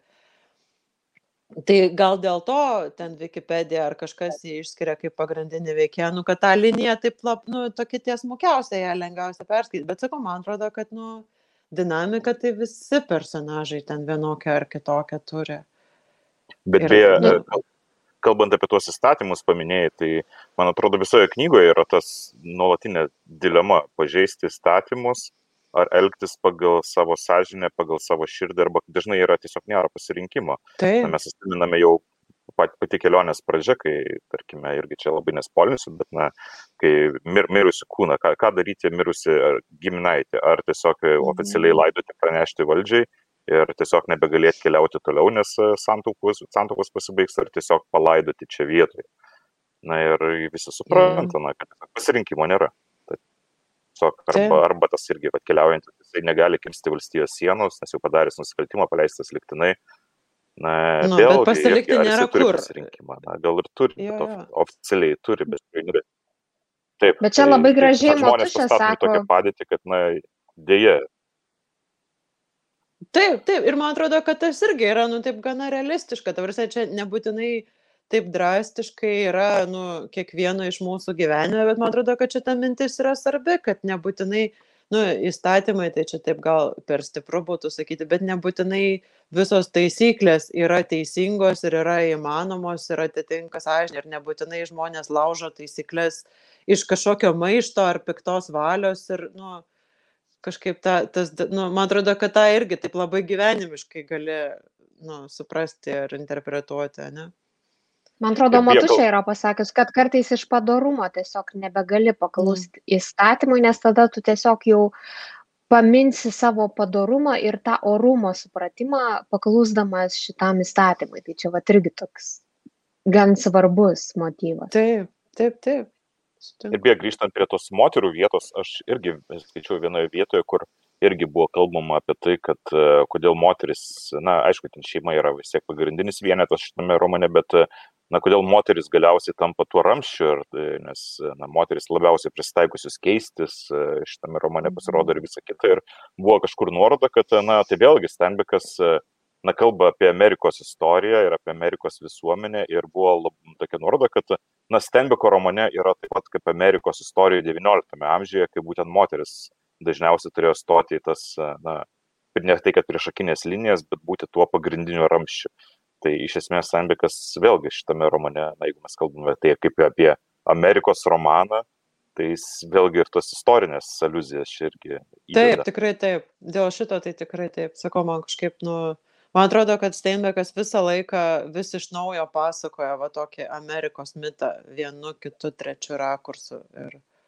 Nežinau, man čia dabar painės, nes aš ką tik pabaigiau kitą Steinbeko romaną versti, tai dabar jau ne, nu, nebeatskiriu net kurios idėjos iš kurios knygos. Bet um, šitas um, į rytus nuo Edeno, įstovydin, uh, tai dar, dar tiesmukiau yra. Ta prasme, ten dar ir tiesiog yra, nu, tokia tam tikra atkarpa Kalifornijos istorijos pasakojama.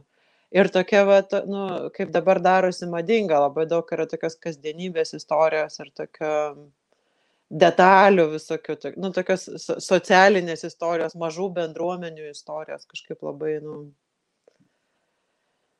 Bet man dar kas įdomu buvo skaitant, kad, nu, aš nesu amerikietė, nors aš turėjau laimės būti a, būtent ten, kur Steinbekas gyveno, tam salinė ir, ir matyti ir tą konservų gatvę ir visa kita. Bet man kas kažkaip taip naujai atšviežino tą apskritai vakarų mitą. tas kažkaip, nu, Amerikos mitas viskas čia, amerikiečiai viduje iš valstybių kraustos, imigruoja ir irgi yra tas į vakarus, kad vat, vakaruose yra kažkoks, nu, čia tai visiškai propagandiškai pasakysiu, šviesus rytojus, bet vat, vakaruose yra laimė, yra tos vynogės, yra tie apelsinmedžiai, balti namukai, ar ne? Ir va tas, kad visada, visada vakarų civilizacija kažkaip tarsi pati kūrė mitą apie tuos vakarus ir juos idealizavo. Tai tas irgi toks, man atrodo, dar gali būti vienas iš perskaitimo Mhm. sluoksnių, atmetus grinai jau tą tik amerikietišką istoriją. Nu, manau, kad taip. Nu čia, bet aš galvoju, ar va, va šitas dalykas turbūt yra labiau gal epochos apraiška, nes man atrodo, kad čia, nu, 20-ojo amžiaus viduryje tai buvo kažkaip daug labiau savaime suprantama, nu, branginti vakarų civilizaciją, vertinti ją ir kažkaip vat, antra pusė 20-ojo amžiaus ir 21 amžiaus tai yra toksai labai dažnai, nu, sąžinės sąskaitos laikas, ypač aišku po holokausto tenai ir nu, visokie va tokie permastymai mm, nacionalizmo, patriotizmo, tokio, nu, kur dabar jau kartais, man atrodo, biškai kitą kraštutinumą nueinam, kur pradedam vakarus niekinti jau labiau už bet ką. Bet man atrodo, kad dar um, 39 metais, kai Steinbekas rašo, tai yra tokia natūrali laikysena. Nu, ta prasme, tu didžiuojasi, kad esi vakarietis, nes, nu, tai yra tavo tapatybės dalis ir, nu, tai čia, tai gerai, kad, ta, nu, toks, kadangi mano, tai todėl gerai, nu, toksai, ta prasme, tas toksai visiškai, nu, ne, nereflektuotas ir natūralus dalykas. Dėl to, aš manau, nu, matai, į vakarus, tai jie geografiškai į vakarus keliauja. Tai čia. Taip, tas taip, taip, taip. Kažkaip, Bet vad nu, kitas ne- geografinis su kitu sukimba. Nu, tai va čia geras, bet aš manau, kad čia vis tiek, žinok, yra labiau apie Amerikos vakarus kalba, negu apie vakarų civilizaciją. Nes Amerikoje irgi, nu, tas yra padalinimas, ne, yra ir, ir rytai, ir pietus, ir vakarai, nu, tokie iš didžiosios, ta prasme, tokie re, regionų prasme. Tai man atrodo, kad šiaip, ta prasme, Steinbekas, jisai buvo kalifornietis, o kaip sakei, Sa- Salinasas yra jo gimtinė ir ten jis ir gyveno iš tikrųjų didžiąją dalį gyvenimo aplinkui kažkur. Ir labai justi, jis, ta prasme, jis labai mylėjo tą savo gimtą kraštą. Jisai, tai vad, man atrodo, kad čia jam buvo truputį ir, nu, viena vertus natūralu ir neišvengiama, ir kita vertus čia turėjo būti ypač skausminga, nu, ta prasme, pavaizduoti tą Kaliforniją kaip, nu, tai tokia melaginga pažadėtąją žemę, ne, nu, tokia, į kurią tie žmonės tarsi keliauja. Ta prasme, pavaizduoti kaip svajonę, tai turėjo būti paprasta, o pavaizduoti kaip nusivylimą, tai turėjo būti jam pačiam skauda. Bet aš galvoju, kad galbūt tas, nu, ta tokia, nu, jo visur juntama meilė Kalifornijai ir kaip savo gimtiniai, galbūt čia irgi yra tas, ką tu čia jauti, ne, nu, ta, tą, ką tu sakai, kad tas va- vakarų garbinimas ar vertinimas. Man kažkaip nežinau, man sunku, kitaip sakant, tos vakarus išplėsti iki visos vakarų civilizacijos. Man, kažkaip, man vis tiek atrodo, kad čia toks vidinis Amerikos klausimas labiau yra. Čia dar vienas aspektas, kurį irgi, na, turbūt jau mm, link pabaigos einant, norėjau paliesti, tai yra ir kuris turbūt irgi, kalbant apie šį romaną, yra pakankamai aktualus ir e, šioms dienoms, tai yra technologijos. Yra, na, Steinbekas, būdamas toks tikrai širdį labai gilus humanistas, e, na, jis mato Mhm. tas technologijas, ne- atneša man ne vien tik tai, tai aišku, gerąjį dalyką, bet mato ir tai, kaip tai išstumia žmonės ir kaip e, žmonės, na, turi pristaikyti, kad technologijos atima darbus ir žmonės, na, tiesiog jie, jų, jų vertė apskritai, jeigu matuojant e, darbo prasme, tarkime, jų nyksta ir, ir jie tampa nebereikalingi. Tai aš manau, kad irgi kalbant apie šias, šiuos laikus, kai irgi labai dažnai yra kalbama tik apie tai, kaip technologijos padarys darbą našesnį, kaip technologijos pakeis žmonės ir visą kitą. E, Na, iš tikrųjų, irgi ta pati problema. E, Žmogus tampa tik tas, kurį galima pigiau pakeisti. Stanbekas irgi apie tai kalba tame romane jau tuo metu 39 metais. Nu jo, ir man atrodo, kad, kad taip kaip Steinbeko laikais, tai taip ir dabar, nu, visą laiką yra kalba, nu, visą laiką yra tas nuogastavimas. Nu, kaip sakant, Steinbekas, jisai, taip kaip nuo pat pradžių ir kalbėjom, jisai tą romaną parašė iš pykčio norėdamas parodyti, kas kaltas dėl didžiosios depresijos. Nu, tai tame tarpe technologijos irgi čia prie tų kaltųjų, arba tiksliau tie, tie kam priklauso tos technologijos. Ir... Bet, nu, jeigu žiūrėtum taip į visą tokią istorijos raidą, tai tas yra toks nuolatinis procesas, nu, kur atsiranda uh, kažkokia nauja technologija. Nu, kai atsirado Gutenbergo spaudos presas, nu, tai neteko darbo labai daug perrašinėtojų ranka, nu, ta prasme. Bet, nu, man atrodo, kad tas yra svarbus dalykas, ką Steinbekas tai parodo, nu, taip graudžiai ir tragiškai ir, nu, vietomis šiurpiai, bet e, galėtum e, netgi dar optimistiškiau žiūrėti, taip jeigu remtumės į istoriją, tai kad nu technologijos neprilygsta žmonėm. Technologijos gali tenai jo atimti darbo vietą ar ten priversti keisti gyvenimo būdą ir tas gal liūdna ir tas gal skaudu bet nu žmogus yra ne tai.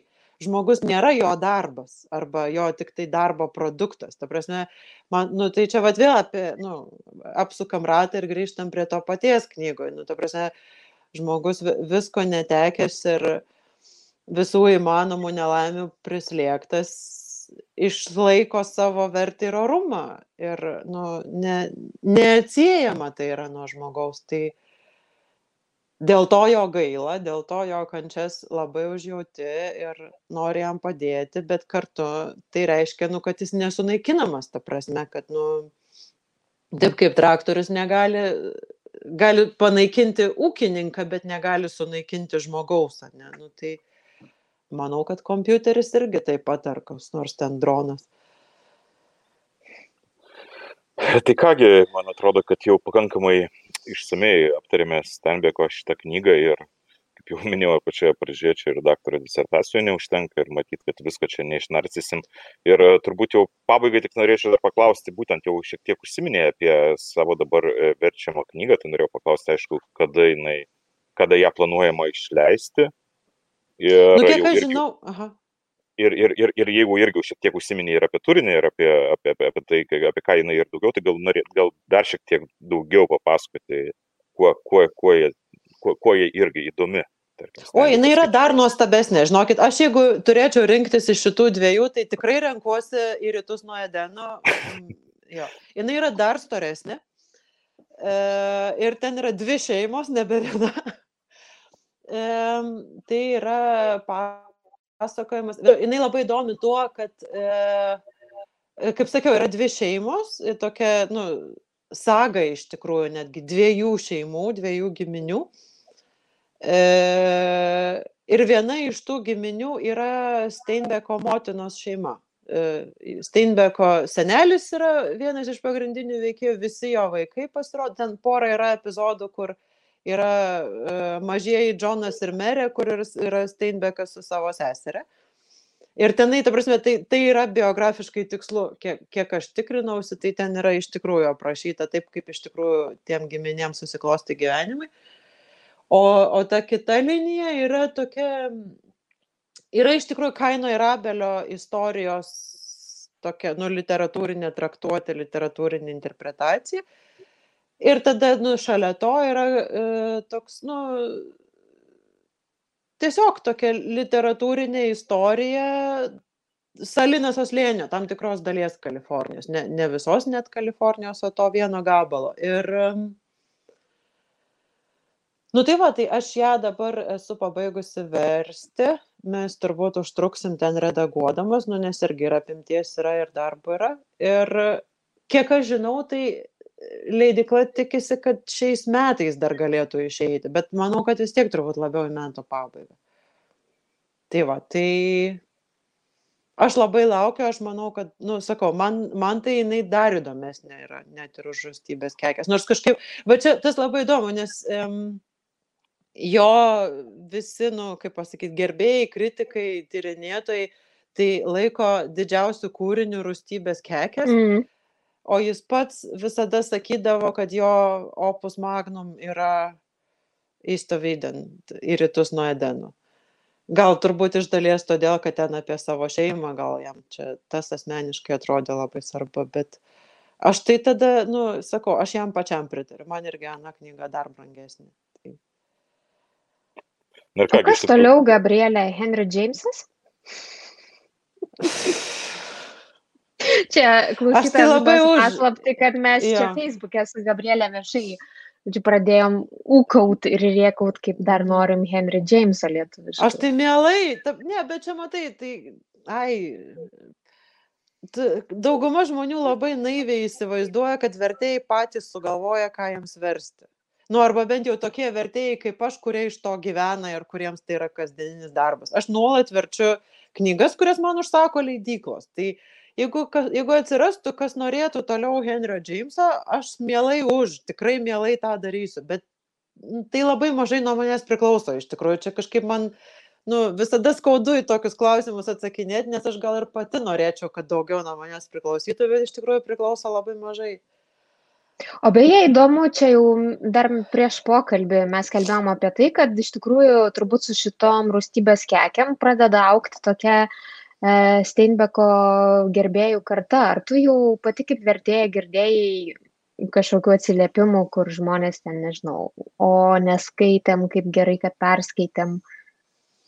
Jo, nu aš matau, nu tam bukstagrame vadinamą. Mes sutarėm, kad bukstagramo neniekinama, ne, kad su pagarba atsiliepiam apie tos žmonės, net jeigu ne, nebūtinai mūsų skoniai sutampa. Tai mačiau visai nepažįstamų žmonių tokių, vat, nu, atsiliepimų. O šiaip tai, aš kažko, bet aš iš tikrųjų jau anksčiau, dar, dar anksčiau negu manęs čia paprašė tą knygą versti, aš jau buvau kažkaip pajutusi, kad ka, kažkaip vis Steinbekas ir Steinbekas, vis iš kokios nors keistos pusės tokį išgirsti, kad kažkas skaito Steinbeką, kažkam įdomus Steinbekas. Ir aš tai visada to džiaugiuosi. Man kažkaip atrodo, kad Steinbekas jisai yra, jis taip labai gerai tokį viduriuką atsistoja, kad yra tikrai rimtas ir gilus ir, nu, didis autorius ir geras rašytojas, geras stilistas ir taip toliau, bet kartu jis yra, nu, paskaitomas. Ta prasme, jis yra, nu, va, ma, aš, jeigu dar turėčiau močiutę, tai savo močiutį mielai padovanočiau. Ta prasme, yra, nu, tokia knyga, kur daug skirtingų žmonių gali skaityti ir mėgautis, nu, ta prasme, yra daug tų plotmių, tu ją, visokie žmonės gali ją suprasti ir tai man atrodo, kad, nu, tas labai padeda, nu, kaip pasakyti, Tai tas padeda jo populiarumui ir kartu aš manau, kad tai yra sveika, gerai, ta prasme, čia yra nu, geros knygos, kurios yra prieinamos daugeliu žmonių, nu, ne, nėra vien tik tai lengva. Tai man kažkaip patinka ta, ta tendencija apskritai. O kai kurios knygos netgi ir tikrai neblogo humoro turi Steinbeko. O, taip. Tai, Taip, taip, tai toks, tikrai iš, taip. iš tikrųjų tas rašytojas, na, labai teisingai man atrodo pasakai, kuris yra ir gilus, ir tikrai labai tinkamas plat, plačiosioms skaitytojų masėms, kurie tikrai gali atrasti Mhm. kiekvienas savo. Gali kažkas ieškoti tų gelmių ir tų pačių biblinių nuorodų, kiti gali tiesiog sekti linijinį siužetą. Na, ta prasme, man atrodo, skaitytojai gali kiekvienas pasisemti savo iš jo to, ko nori. Nu ir būti pakaučinti, kaip jų rašė. Man atrodo, tas niekam čia nepakenkia visais ligmenim. Be abejo. Na kągi, ir iš tikrųjų jau tikrai prieartėjom prie po, pokalbio pabaigos ir e, man irgi labai džiugu, kad Stambikas yra vienas iš tų rašytojų, kuris na, dabar atgimė, galima taip sakyti, ir kad jo knygos yra perleidžiamos, leidžiamos naujai ir e, klasikos, apie klasiką beje mes irgi šitose tinklalaidėse pakankamai retai kalbame ir labai tikrai džiugu, kad visgi su- sugalvojame šį kartą pakalbėti apie klasikinį kūrinį, nes dažniausiai irgi kalbame apie šiuolaikinius kūrinius, o kaip šiandien išsiaiškiname, kad visgi klasika yra klasika. Ir tikrai tiems, kurie dar netrado Stembeko, labai rekomenduoju jį atrasti ir tikrai galima pradėti, kad ir nuo šios e, knygos, apie kurią šiandien kalbėjom, Rustybės kekės. Na ir e, tikrai dėkui e, vertėjai, Gabrielį Giulitė Bernotinai, kuri buvo su mumis ir tikrai išsamei papasakojo apie šią knygą, apie jos vertimus ir tam tikrus aspektus, kuriuos galbūt mes įratę net nebūtume pagalvoję ir išvelgę. Ir, kaip visuomet šios laidos vedėjai buvome mes, aš Audris Ožalas. Ir aš, Juratė Čerškutė. Ir dėkui jums visiems klausysiams, dėkui vertėjai ir gerų skaitinių ir iki kito karto.